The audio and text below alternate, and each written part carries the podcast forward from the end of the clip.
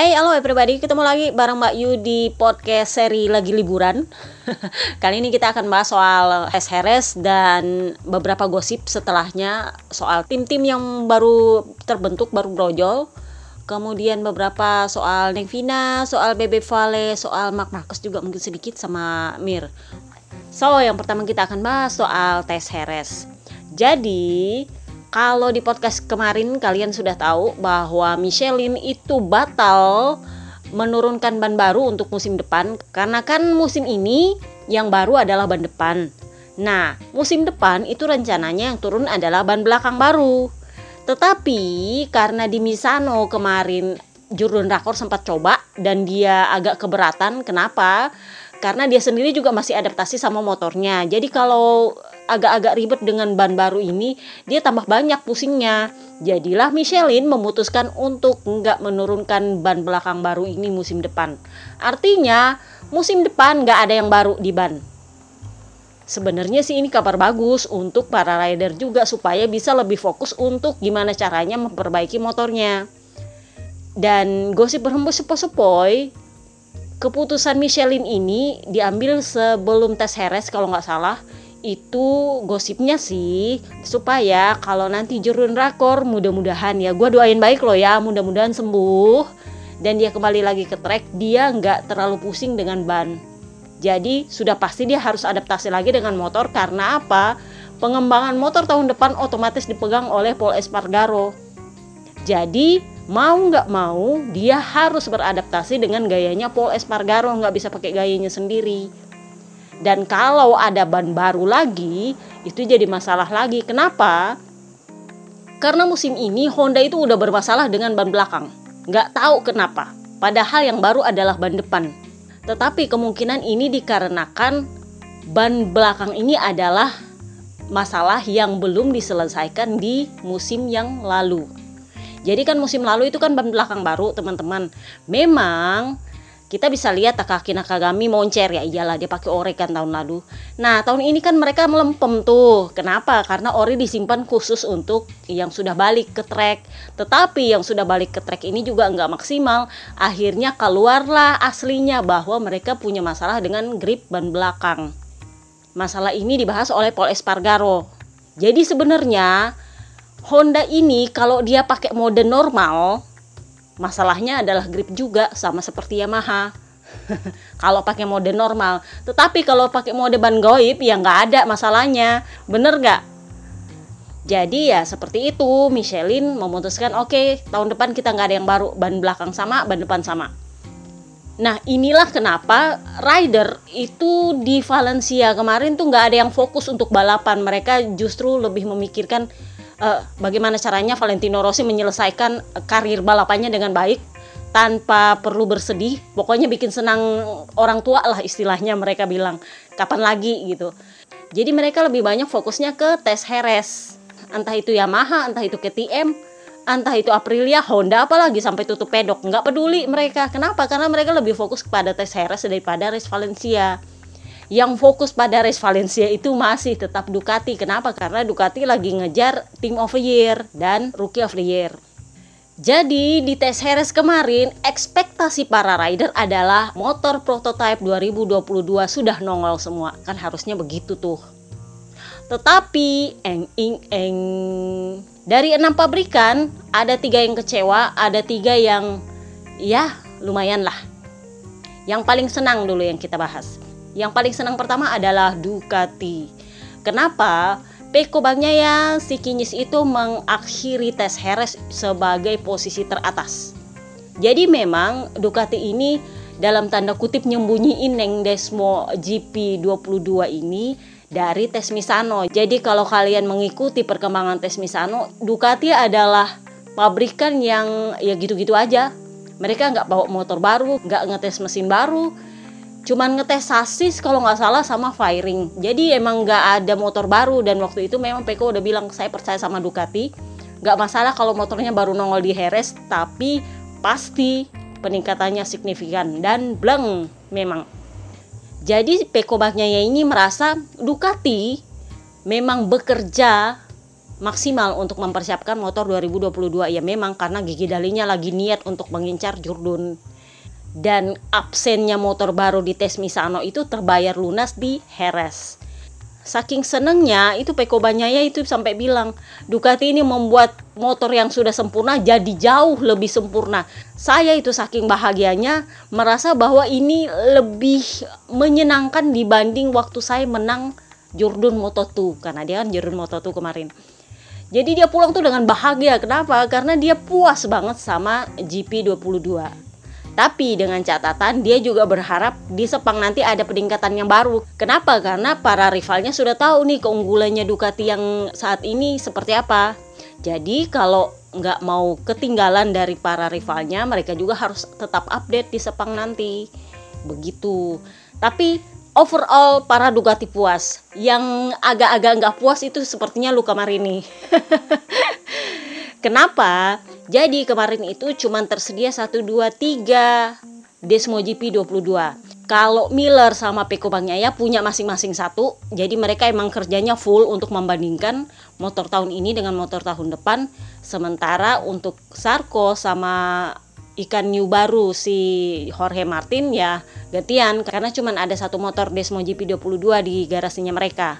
Nah, yang agak kecewa sedikit itu Luka Marini. Kenapa? Karena memang dia harusnya dapat motor 2022 tahun depan, tetapi dia nggak dapat itu di Heres.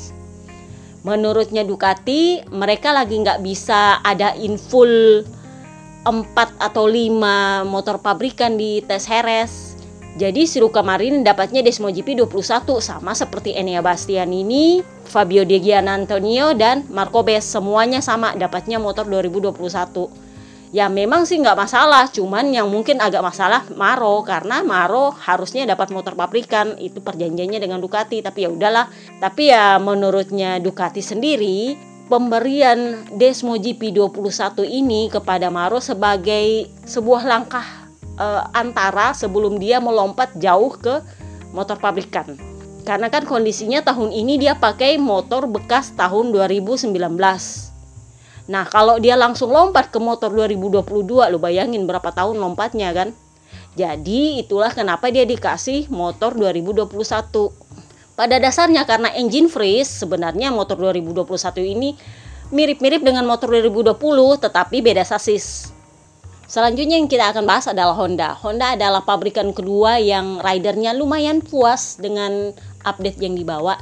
Jadi Honda ini membawa update yang lumayan signifikan bagi para ridernya. Kenapa? Karena Honda membawa update yang jadi masukan dari Jordan Rakor waktu tes Misano. Jadi kan waktu tes Misano uh, si Mark Marcus itu udah coba motor 2022 dan dia kasih masukan ke teknisinya. Nah, update itu dibawa di tes Heres ini. Meskipun gak ada Jordan Rakor, Paul sama Nakagami sama Alex Marquez itu keroyokan buat menguji update ini. Kalau nggak salah itu sasis, sasis baru. Jadi ada beberapa sasis yang dibawa terus dibagi tiga kemudian dirotasi. Ini cara kerjanya sama seperti di tes Misano, cuman di tes Misano mereka pakai mesin yang emang sudah 2022. Nah dari situ kan ada masukan soal sasis. Nah sasis itu dibawa ke tes Heres ini overall mereka puas, termasuk Takaki Nakagami. Buat yang nanya Takaki Nakagami pakai motor apa tahun depan, so far Idemitsu belum memberikan kepastian dia bakal pakai motor apa. Apakah dia bakal pakai motor pabrikan full murni atau dia pakai motor bekas dengan sasis update? Bisa jadi. Kenapa? Karena masalah mereka tahun ini adalah grip ban belakang. Jadi sasis lagi, sasis lagi dan sasis lagi udah kayak Yamaha karena memang itu kuncinya kalau lu bermasalah sama grip berarti sasis. Kalau Idemitsu ada duit bakal turun pakai motor pabrikan si Pangeran Negara Api. Kalau enggak ya udah pakai motor bekas dengan sasis updated terbaru. Kemudian pabrikan ketiga yang radarnya lumayan puas dengan TSRS adalah Suzuki. Suzuki sendiri sebenarnya ada masalah dengan balance kalau nggak salah. Jadi ya seperti biasa mereka mainnya main sasis, main sasis, main sasis. Dan Mir itu sebenarnya mengeluhkan tahun ini adalah kurangnya update yang mumpuni. Jadi update itu banyak, tapi nggak bisa diaplikasikan dengan baik di race. Jadi hasil tesnya apa, race-nya lain lagi. Nah, itu yang menurutnya Mir, ya tes di Heres ini lumayan menyenangkan. Kenapa? Karena mesin 2022 yang dapat update itu lumayan bagus powernya dan mereka suka. Kemudian corner speednya ternyata bisa bersaing dengan Yamaha dan itu yang bikin Mir senang. Tetapi Mir lagi-lagi mewanti-wanti. Semoga di Sepang nanti ini semakin baik. Jadi ini udah baik, tapi semoga semakin baik. Kenapa? Karena dia sendiri berniat untuk kembali Jurdun. Dia bilang saya berniat untuk menang. Kenapa? Kontrak dia itu berakhir tahun 2022 dan dia sama seperti Snake Taro berencana untuk tunda perpanjangan. Jadi dia bilang seperti ini. Kita lihat kondisinya nanti tahun depan. Apakah kelaparan saya untuk menang ini sama laparnya dengan Suzuki. Kalau kita sama-sama lapar dan sama-sama bertindak, oke. Okay. Tapi kalau misalnya cuma saya lapar sendiri dan saya bertindak sendiri di sana cuma lapar-lapar tapi nggak mau kasih makan, ya percuma. Mending saya pindah supaya saya bisa menang lagi. Itu katanya Mir. Nah, sekarang kita pindah ke pabrikan yang agak-agak kurang puas dan kecewa. Kita mulai dulu ke pabrikan yang nggak terlalu kecewa-kecewa amat. Siapa? Aprilia. Jadi Aprilia ini karena masih konsesi, jadi motor dia yang tahun depan itu nggak jelas apakah sudah termasuk di yang Valencia kemarin atau gimana. Karena mereka masih konsesi. jadi kan kalau konsesi itu mereka nggak ada batasan dalam pengembangan mesin. Jadi kalau misalnya tahun depan mesin 2022 lain lagi, mereka nggak kena kuota pengembangan. Jadi mereka masih bisa update lagi di tahun depan. Itulah kenapa para Aprilia agak-agak bengong juga. Karena itu motor yang dipakai di Heres itu sama dengan yang dipakai balapan di Valencia.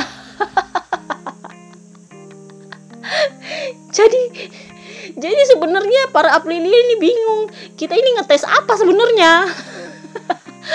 Padahal mereka konsentrasinya sudah di Heres waktu balapan Valencia karena harapannya oh ini paling nggak ada mesin lain yang baru gitulah ya yang memang beneran diniatin buat tahun 2022 eh tapi pas tes Heres yang dibawa mesinnya itu juga. Kan bingung juga mereka. Ini motor apanya sih? Kalau masih ini ini aja ya percuma kita ngetes. Jadi si Alex Espargaro itu yang lumayan kecewa terus dia bilang literally ini motor sama dengan motor waktu balapan Valencia. Dan masalahnya ya sama saya susah ngerem kalau di tikungan karena dia high side di hari terakhir itu motornya hancur saking jeleknya dia jatuh untungnya dia nggak kenapa-kenapa sih cuman sakit belakang gitu. Cuman ya itu dia bilang literally nggak ada apa-apa yang berubah ini barang. Jadi ngapain kita ngetes? Si Neng Vinet juga sama. Dia bilang ini sepertinya nggak ada yang kita tes sih cuman ngetes firing doang. Sasis juga nggak ada. Makanya Papa Nina bilang, saya berniat mau ke Noale, itu markasnya Aprilia, untuk memberi update gimana caranya supaya di Sepang nanti update itu terasa. Nggak seperti di Heres yang gitu aja gitu aja. Dan somehow Neng Vina mulai keluar aslinya waktu dia ditanya mengenai apakah dia merasa sekarang sudah sama seperti Alex Espargaro levelnya? Tahu nggak dia bilang apa? Oh, Alex Espargaro itu sama sekali bukan referensi saya. Saya mengincar sesuatu yang jauh lebih tinggi. Gue tuh yang mulai oke, okay, mulai keluar sifat aslinya. dia mulai merasa sebagai rider utama. Cuman ya udahlah tergantung gimana caranya papa si kembar menanggapinya sih. Karena kan si Neng Vina masuk ke Aprilia rekomendasi dia juga. Jadi ya senjata makan tuan salah siapa coba? Next kita bahas soal Yamaha. Yamaha ini juga sama kecewanya sih ekspektasinya Snake Taro mereka dapat update mesin kenapa karena waktu di tes Misano dan sebelum Valencia itu Quartararo udah bilang nggak masalah kalau Yamaha uji sasis lagi, sasis lagi, sasis lagi nggak masalah. Tetapi yang paling penting adalah update mesin. Kenapa? Karena saya butuh power. Itu sudah bahasanya dari Misano. Harapan dia di tes series itu Yamaha bawa yang dia mau. Ternyata eng eng eng nggak ada. jadi ya Snake Taro sih sebenarnya mau kecewa juga. Enggak enggak kecewa juga. Ya kecewa. Memang dia di catatan waktu posisinya kedua di bawah Peko ya tetapi waktu dia turun trek dan disalip sama Peko ya dia tahu sekali bahwa powernya Ducati ini benar-benar yang wow mereka meningkat dengan baik bahkan di tikungan pun mereka bagus jadi Desmo GP 22 ini ada peningkatan di kecepatan tikungan. Dan itu yang bikin Quartararo agak-agak khawatir. Kenapa? Sudah di tikungan mereka bagus, di trek lurus yang pendek pun Yamaha ketinggalan. Pendek loh.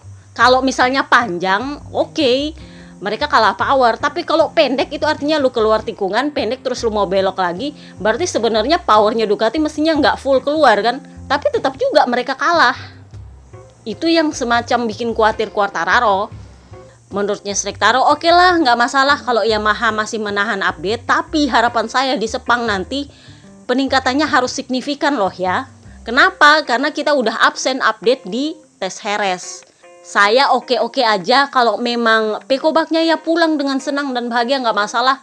Tapi faktanya adalah saya juga akan pulang sebagai juara dunia yang bahagia kalau tahun depan dia bahagia dengan motornya, nggak masalah. Kalau yang jurun saya mau apa? Kenapa? Karena Ducati itu sama dengan Yamaha. Setiap motor itu meskipun bagus tergantung lagi ridernya. Gimana caranya dia sama motornya. Jadi saya nggak terlalu khawatir sama Ducati. Mau bagaimanapun mereka bagus motornya, kalau masih nggak cocok sama ridernya, ya bisa saja saya lagi yang jurdun. Mulai belagu mulai. Nah kekecewaan ini juga yang bikin dia uh, menunda tanda tangan perpanjangan kontrak. Jadi sebelum Misano 2 itu hari Kamis apa nggak salah ya itu manajernya Snake Taro memang udah ngomong ke media tuh kami mengincar perpanjangan kontrak untuk Quartararo. Karena apa? Meskipun belum ada penentuan Jurdun, tapi kita sudah sangat dekat dengan Jurdun. Kami ekspektasinya perpanjangan kontrak bisa dilakukan setahun lebih cepat.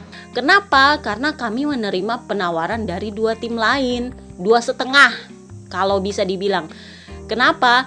Dua itu sudah solid penawarannya. Yang setengah ini saya menganggapnya bahwa mereka nggak mungkin lagi untuk merekrut rider baru itu maksudnya Ducati itu dibilang setengah karena hampir mustahil untuk menggantikan Peko Bagnaia dan Jack Miller dari Ducati kalau dua tim yang lain gosip berhembus sepoi-sepoi itu adalah Suzuki dan Honda. Waktu itu, waktu masih di Emilia Romanya, si Jurun Rakor kan masih fit banget tuh, nggak ada yang tahu dia bakal celaka.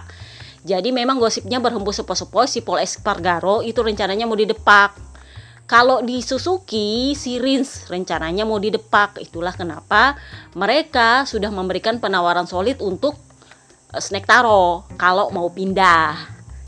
Nah, manajer mulai ini ngancam-ngancam Yamaha. Cepetin nggak tuh perpanjangan kontrak? Rider gue nih udah banyak yang tawar. Lu mau nggak? Jadi gara-gara itu di Portimao sudah mulai itu negosiasi perpanjangan kontrak. Pengennya mau cepat tanda tangan kan? Tetapi di Portimao kalau nggak salah itu nego kembali soal gejong gaji. Jadi ditunda lagi. Nah giliran sudah tes heres Snack Taro bilang e, tunda dulu deh perpanjangannya nanti kita lihat di Sepang gimana modelnya itu motor. Jadi ya menurut gua sih lu kan kemarin di Misano tuh yang ngejar-ngejar minta tanda tangan kontrak. Udah ngancem-ngancem bilang dapat penawaran dari dua setengah tim. Nah giliran dipenuhi kemauan lu sama Yamaha eh elunya lagi yang tarik diri. Bilang nanti lihat kondisi motor. Gue tuh yang kayak lu maunya apa sih tong? Yamaha sih sebenarnya nggak banyak ngomong. Si Jarvis lagi sibuk sama Eikma dan petinggi juga ya terserah kalau dia belum mau tanda tangan nggak apa-apa juga karena menurut mereka nggak urgent. Karena memang Yamaha itu perpanjangan kontrak itu biasanya di Januari atau Februari baru pengumuman. Nggak pernah mereka pengumuman di akhir tahun pasti biasanya di awal tahun sebelum Sepang atau paling nggak sebelum Qatar. Jadi memang kemarin itu mereka sama sekali belum siap untuk perpanjangan Snake Taro. Tapi karena manajernya udah ngancem-ngancem ya mulailah mereka urus itu perpanjangan. Giliran udah diurus lah yang mau tanda tangan ngambek. Gimana sih lu?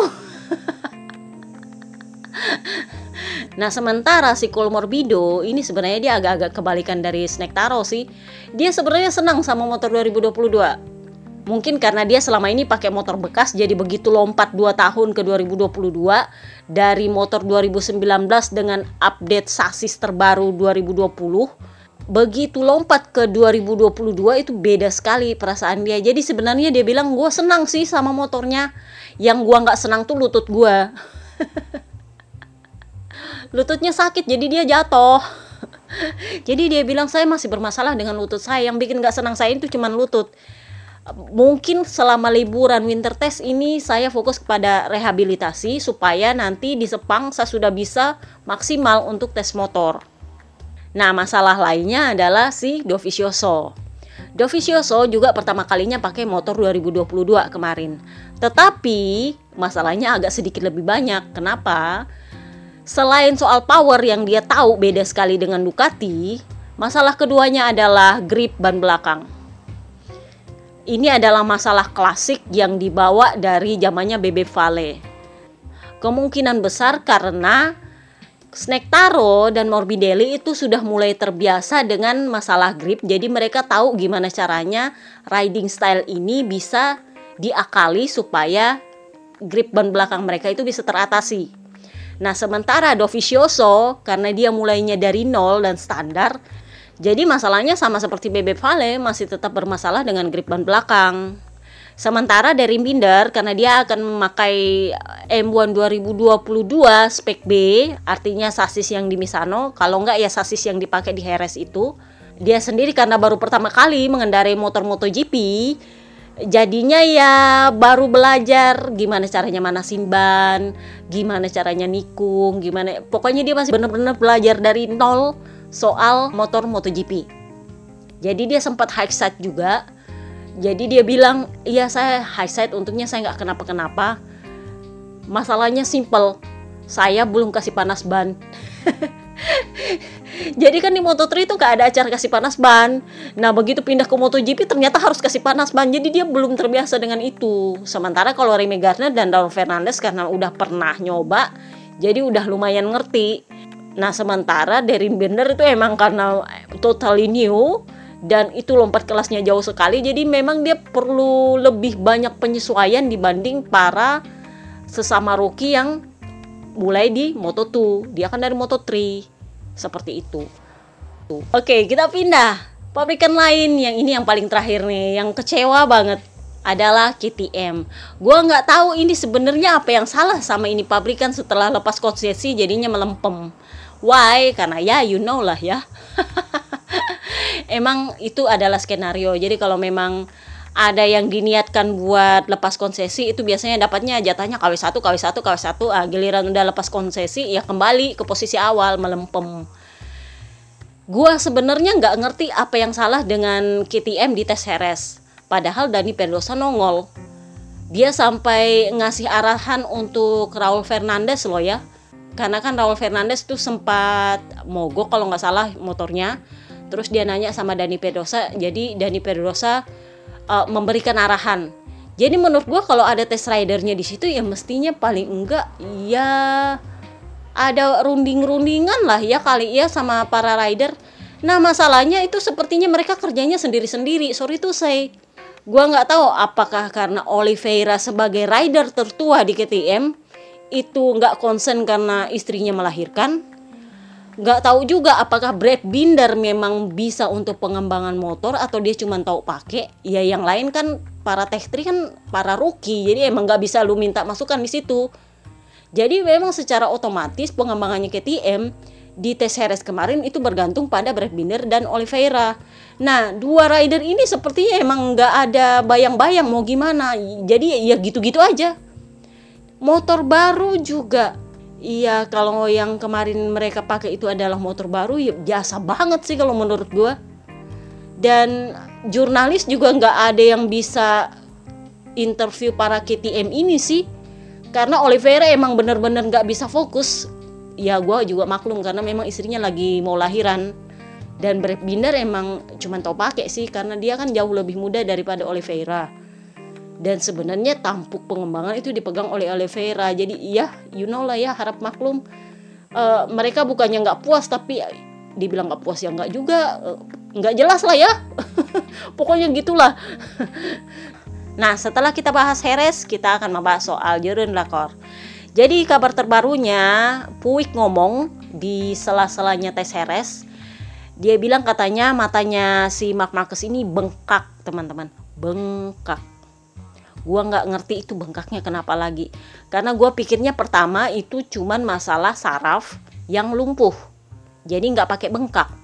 Tapi kalau pakai bengkak gue sendiri udah bingung ini masalahnya apa. Jadi memang ada sedikit kekhawatiran tertangkap dari nada bicaranya Puik. Dia bilang bahwa dokter belum melakukan apa pun atas matanya Jurun Rakor Kenapa? Karena masih bengkak, mereka harus nunggu dulu bengkaknya turun, baru bisa diperiksa. Kalau sudah diperiksa, baru dianalisa kira-kira ini mau dioperasi apa enggak. Dan karena masih bengkak banget katanya, itu jeda pemeriksaannya itu nanti bulan depan, dekat-dekat Natal. Jadi sekitar satu bulan lah ya.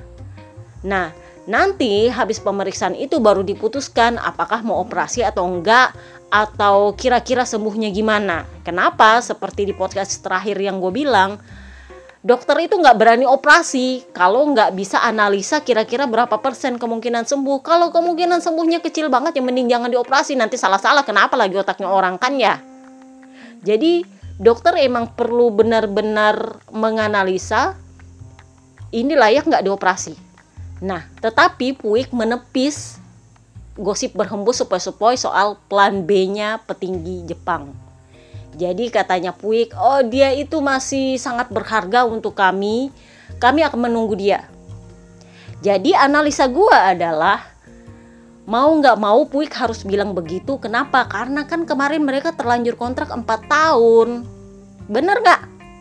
Jadi nggak boleh ada kata-kata mengganti rider atau memutus kontrak rider kalau kontraknya belum habis.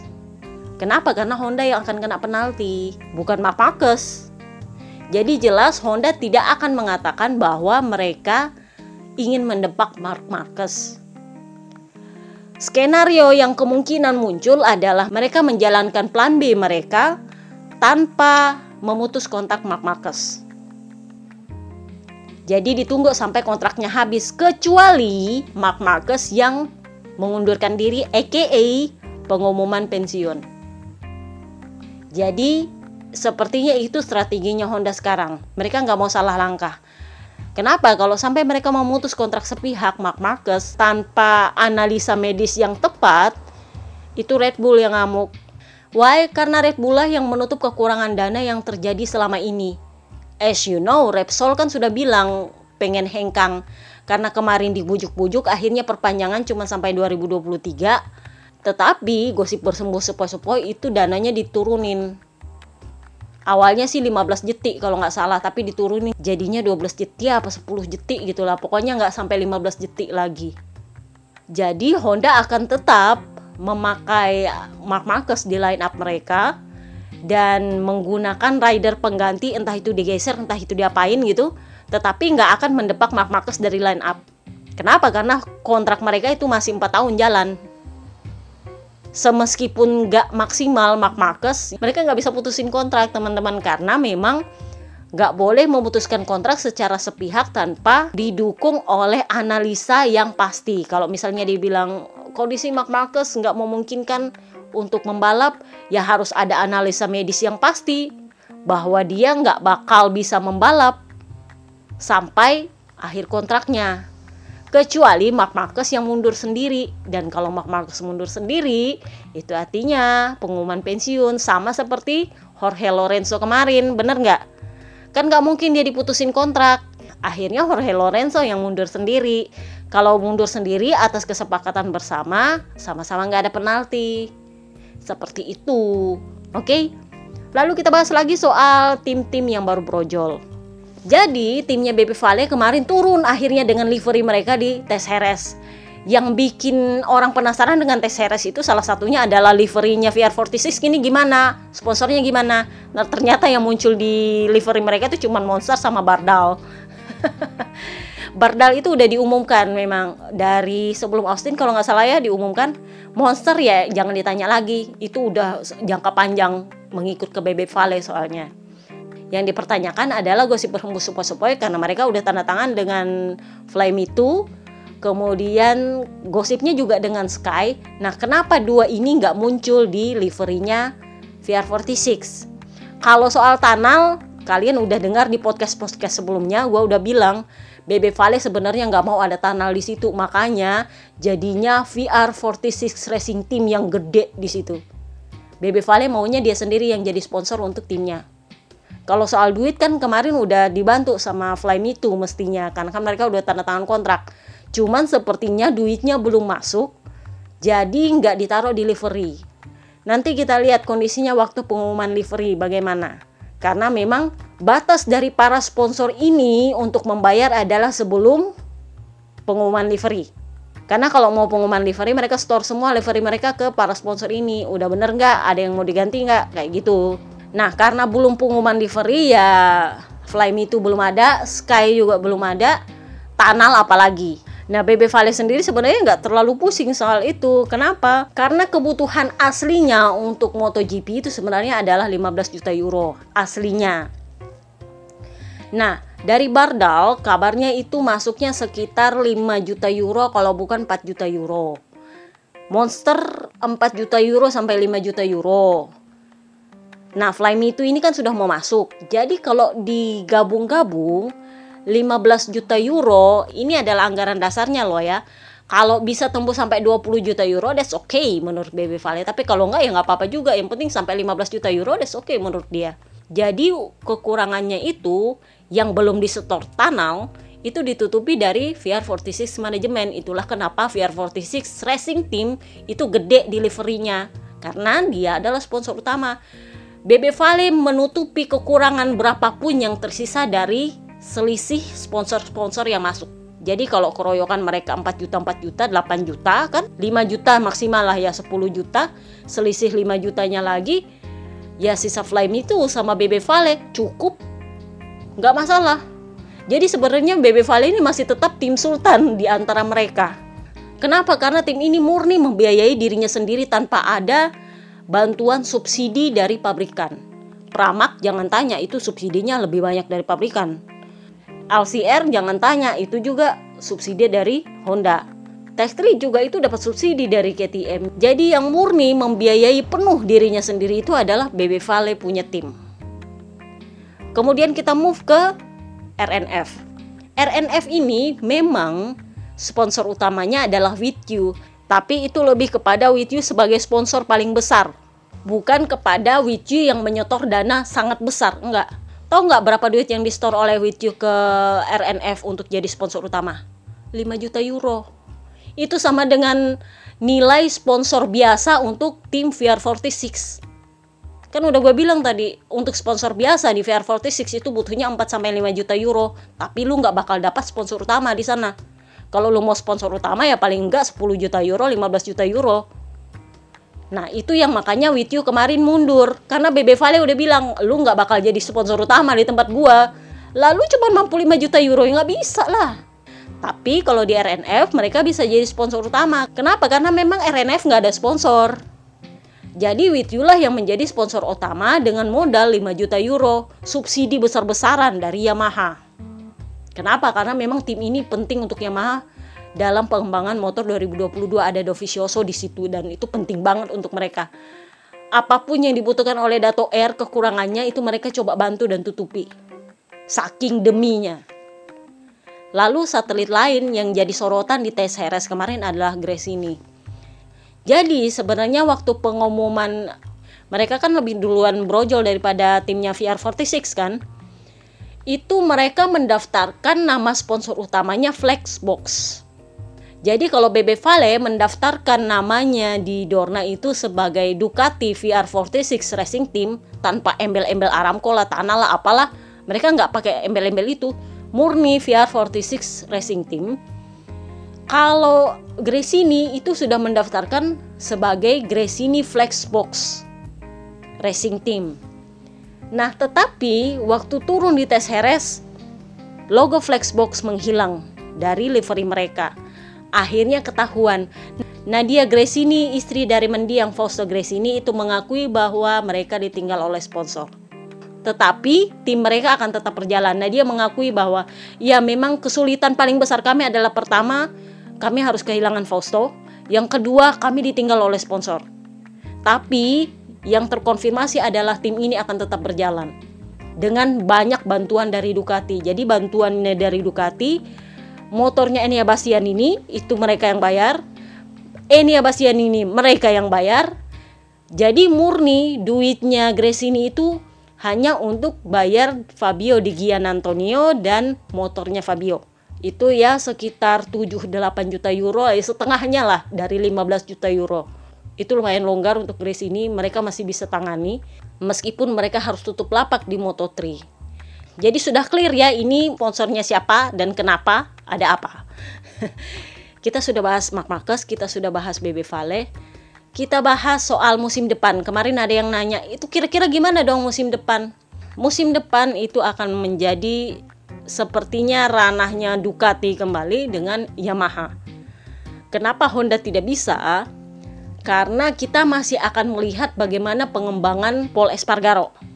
Karena yang tahun ini punya itu adalah pengembangan Stefan Bradl Nah, tahun depan itu adalah murni motor pengembangan Paul Espargaro dan baru kita lihat apakah motor ini memang bagus atau enggak. Karena cara riding stylenya Mark Marquez dengan Paul Espargaro itu beda jauh. Tapi menurut gua kalau Paul Espargaro punya pengembangan mestinya cocok untuk Takaki Nakagami dan untuk Alex Marquez karena mereka adalah rider-rider yang dalam tanda kutip biasa bukan rider-rider yang perlu aneh-aneh macem-macem. Asal banyak bagus ya nggak masalah karena kan ban nggak ada yang baru tahun depan. Berarti ori ya tetap juga. Cuman masalahnya orinya bakal nangkring di pedoknya siapa nih? Kita nggak tahu nanti lihat aja masih tetap di pabrikan yang sama tapi sama rider mana kita nggak tahu apakah Quartararo bakal langganan KW1 eh belum tentu karena tahun ini dia dapat undian undian dan undian tahun depan Michelin masih tetap dengan ekspektasi bahwa Jerun Rakor akan kembali turun trek. Jadi mereka nggak bisa pindahin itu barang ke pabrikan lain. Masih jadi bakal akan tetap seru sama seperti Quartararo dengan Pekobaknya ya di tahun ini karena semuanya sama-sama dapat undian, adil dan merata. Cuman bedanya adalah kita akan melihat bagaimana Desmo GP22 menangani ban apes dan bagaimana M1 2022 menangani ban apes. Karena ini letaknya siapa yang dapat apes, siapa yang dapat KW1. Itu aja. Terus kalau yang dapat ori cocok sama pengembangannya Paul Espargaro gimana? Ya bisa jadi juga sih menurut gua. Tapi ya kita lihat aja sih nanti. Kalau ternyata nanti Honda tahun 2022 hasil pengembangannya rider tersengak Paul Espargaro ternyata klop dengan ban ori, itu dia bisa jurdun loh. Jangan salah. Dan kalau Jurdun itu bakal hure-hure yang luar biasa kalau menurut gue itu akan menjadi PR apa sih kalau PR bahasa Indonesia Pak humas dan promosi yang bagus untuk Honda. Kalau sampai pengembangannya Paul Espargaro itu cocok dengan Ori plus rider-rider lain cocok dengan pengembangan dia itu otomatis Mark Marquez terhapus dari Honda sorry to say Gua sendiri nggak yakin akan ada internal Honda yang mati-matian lagi mempertahankan Mark Marquez nggak akan ada. Kenapa? Kalau lu mau memaksakan Mark Marquez sebagai rider utama atau rider patron, sudah nggak populer lagi, udah susah. Ya mungkin dia masih bisa menang, tapi apakah dia masih bakal Jordan? Ya semoga lah ya. Tapi Honda nggak mau gambling ke situ sudah pasti. Terutama dengan penyakitnya sekarang adalah sakit mata. Jadi mereka akan menguji Paul Espargaro seberapa bagus pengembangannya dia dan kalau itu klop dengan Ori otomatis sorry to say Jurun Rakor mulai tersingkir dari pedok Honda. Kalaupun misalnya mereka masih saling mempertahankan kontrak, begitu habis kontrak mereka nggak perpanjang. Oke, kita sudah bahas soal tahun depan kira-kiranya gimana. BB Vale sendiri sekarang secara harfiah lagi liburan. itu saking dia lagi senang-senangnya liburan rider-ridernya yang di tes Harris kemarin nggak ada yang berani nelpon dia atau uh, chat dia nggak ada yang berani nggak ada yang berani ganggu. Kenapa bos lagi liburan? Marco Bes tuh sampai ya saya lagi adaptasi aja karena kan dia sendiri juga totally baru timnya. Nah Matteo Flamini sendiri juga kan orang Yamaha yang lama bercokolnya di Yamaha terus sekarang jadi kepala kru di Ducati jadi emang sama-sama semuanya mulai dari nol itu tim jadi Marco Bes bilang, iya saya cuma bisa beradaptasi pelan-pelan dan belajar. Kalau mau nanya sama Vale, sepertinya saya nggak berani ganggu dia karena dia lagi liburan tuh nggak ada yang berani ganggu. Jadi udah semuanya jalan. BB Vale sendiri sudah selesai liburannya kemarin. Sekarang dia OTW ke EICMA. Tanggal 25 nanti dia akan one last lap dengan M1-nya di EICMA. Itu akan menjadi penampilan terakhirnya di atas M1 sebelum M1-nya masuk museum. Jadi kita lihat aja, kita tunggu aja. Mestinya sih ditayangkan live oleh Yamaha. Lalu kita bahas siapa lagi? Soal BB Vale mau muncul di Wildcard Mandalika. Jadi kayak gini. Gua nggak bermaksud jadi antinya Mandalika ya, enggak. Cuman gua kebanyakan pakai logika, sorry to say. Maafkan logika gua. Jadi gini, kemarin ada yang nanya, eh katanya BB Vale mau dapat wildcard di Mandalika. Gue bilang kayak gini, gini bro, Mandalika itu tesnya bulan Februari, gelarnya bulan Maret. Itu cuma beberapa bulan setelah dia pensiun. Kalau Bebe Vale pensiun gak ngapa-ngapain, mungkin dia udah kangen sama motor. Tapi masalahnya Bebe Vale habis pensiun dia mau balap mobil.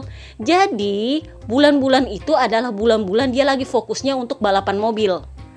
Dia lagi gak kangen-kangennya sama motor kalaupun dia kangen motor itu mungkin setelah jeda musim ya mungkin seri Misano atau Mugello mungkin dia udah mulai kangen tapi kalau masih awal-awal musim no sorry itu saya dia belum mau pegang motor sama sekali mungkin dia pegang motor kalau latih anak-anaknya. Tapi kalau mau membalap no.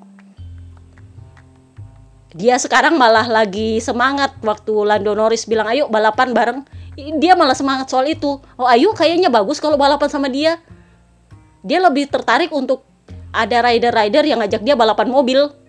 Kayak Petrux kemarin ngajak ayo balapan bareng. Oh iya udah. Kapan-kapan kalau ada waktu kita balapan bareng kenapa? Karena memang dia lagi fokus untuk mencoba olahraga lain di luar MotoGP. Itu yang pertama. Yang kedua bulan Maret itu adalah bulan perkiraan anaknya lahir. Bulan Maret ke April kalau nggak salah. Karena anaknya itu kalau nggak salah 5 jalan 6 bulan sekarang. Jadi udah pasti dia nggak bakal meninggalkan Eropa, dia nggak bakal jauh-jauh ke Indonesia, ninggalin anaknya mau lahir. Pasti dia jadi bapak siaga lah ya. Anak pertama ditunggu-tunggu bu. jadi sorry tuh saya gue bilang kalau kalian mengharapkan Bebe Vale nongol di Mandalika, gue bukannya anti Mandalika tapi gue logikanya emang nggak bakal Bebe Vale nggak bakal muncul di sana. Kecuali kalau Mandalika digelarnya itu di akhir musim, mungkin bisa itu pun belum tentu. Kenapa? Karena wildcard itu artinya lu membalap lagi dan membalap lagi itu Bebe Vale lagi yang ah sedangkan ngetes motor aja dia males gitu ya. Apalagi membalap. Dan membalap itu dia harus tahu motor yang dikasih motor bagus nggak. Kalau motornya biasa-biasa aja mending gak usah. Dia itu mau turun wildcard kalau itu home race misalnya Misano atau Mugello mungkin dia mau. Kenapa? Karena fans dia memang di sana. Itu fanbase dia. Dan fanbase dia memang terserah mau finish di belakang kayak di depan kayak di mana yang penting dia muncul di track nggak masalah buat fans dia. Tapi kalau mau turun sampai ke Mandalika ini sirkuit-sirkuit baru dan BB Vale perlu memastikan bahwa motor yang dia pakai juga nggak asal-asalan. Kalau cuman mau keliling-keliling-keliling mah ngapain? Jadi biar bagaimanapun gue ucapkan selamat untuk Mandalika yang akhirnya berhasil menggelar WSBK ya dengan beberapa halangan tapi paling nggak sudah gelar. yang penting sukses. Tetapi sebagai saran gue besok-besok terutama kalau mau gelar race MotoGP atau mau gelar tes sirkuit MotoGP tolong anjing-anjing warga dan binatang-binatang di situ sekitar-sekitarnya dievakuasi ya, jangan diracun. Mudah-mudahan salah selentingan yang gue dengar bahwa banyak anjing-anjing warga di sana yang mati keracunan. Mereka sih bilangnya diracun, tapi gua bilang oke lah keracunan aja, gua nggak mau bilang diracun. Tapi kalau memang benar diracun, solusi gua gini, coba kalian kerjasama dengan dog lovers di sana atau UPTD kesehatan itu untuk evakuasi anjing-anjing ini sebelum gelaran ditampung di satu tempat sekalian kalian steril karena gua tahu di daerah Morowali tempatnya adik gua itu UPTD kesehatan hewannya bagus banget loh. Mereka itu sampai keliling-keliling desa buat vaksin kucing, anjing, segala macam sapi, anjing pun mereka berani vaksin loh. Itu mereka vaksin, mereka steril dan segala macam, tetapi mereka menjalankan program UPTD kesehatan hewan ini dengan baik. Nah, menurut gue itu patut dicontoh oleh Mandalika. Jadi coba evakuasi anjing-anjing ini sekalian kalian steril. Supaya dana yang dikucurkan dari pusat untuk kalian tuh nggak habis percuma gitu kan. Coba steril anjing-anjing ini supaya program kalian juga jalan lalu nanti dilepas setelah gelaran selesai. Kalau mereka sudah steril artinya mereka sudah nggak berkembang biak dan mereka terpelihara dengan baik. Jangan ada lagi bahan-bahan gunjingan di luar udah kemarin kita dimasalahin soal hamburgernya ini lagi jangan lagi dibahas soal animal abuse. Terutama dengan anjing-anjing peliharaan warga. Kasihan loh ya itu ada yang pelihara. Gue tahu emang pengelola sirkuit membantah soal meracun-meracun tetapi kalau itu ada kaitannya dengan sirkuit mau nggak mau kalian akan tersangkut meskipun bukan kalian. Jadi menurut gue coba koordinasi dengan dog lover dan UPT di kesehatan hewan evakuasi anjing-anjing ini dengan baik, tampung di satu tempat di shelter, sekalian di steril, nanti begitu selesai baru dilepas liarkan lagi. Gak masalah sih kalau menurut gue karena itu kan ada pagar jadi nggak mungkin masuk sembarangan lah itu anjing, bener nggak? Jadi jangan ada selentingan-selentingan yang lain. Yang gue lumayan respect juga adalah ternyata kabarnya kasus soal tanah itu sudah diselesaikan. Mudah-mudahan beneran sudah selesai jadi yang nyangkut ini sisa soal penanganan hewannya. Oke? Okay? Nah, kemudian juga gue minta tolong untuk teman-teman yang di Lombok. Karena MotoGP ini jauh lebih besar daripada WSBK, tolong kalian kontrol dan jaga kehormatan bangsa dan negara kita. Jangan dianeh-anehin ya, jangan dibongkar, jangan diisengin, jangan dicuri, jangan diapa-apain. Dijaga sama-sama. Sekali lagi, gue bukan anti Mandalika, tapi ada kehormatan negara di situ jangan sampai kita diunjingin yang lain-lain lagi karena ini MotoGP ini MotoGP. Gue nggak peduli sih sebenarnya kalau SBK tapi MotoGP please please jangan malu-maluin ya. Oke? Okay? dah itu aja udah kepanjangan. See you next time guys. Bye bye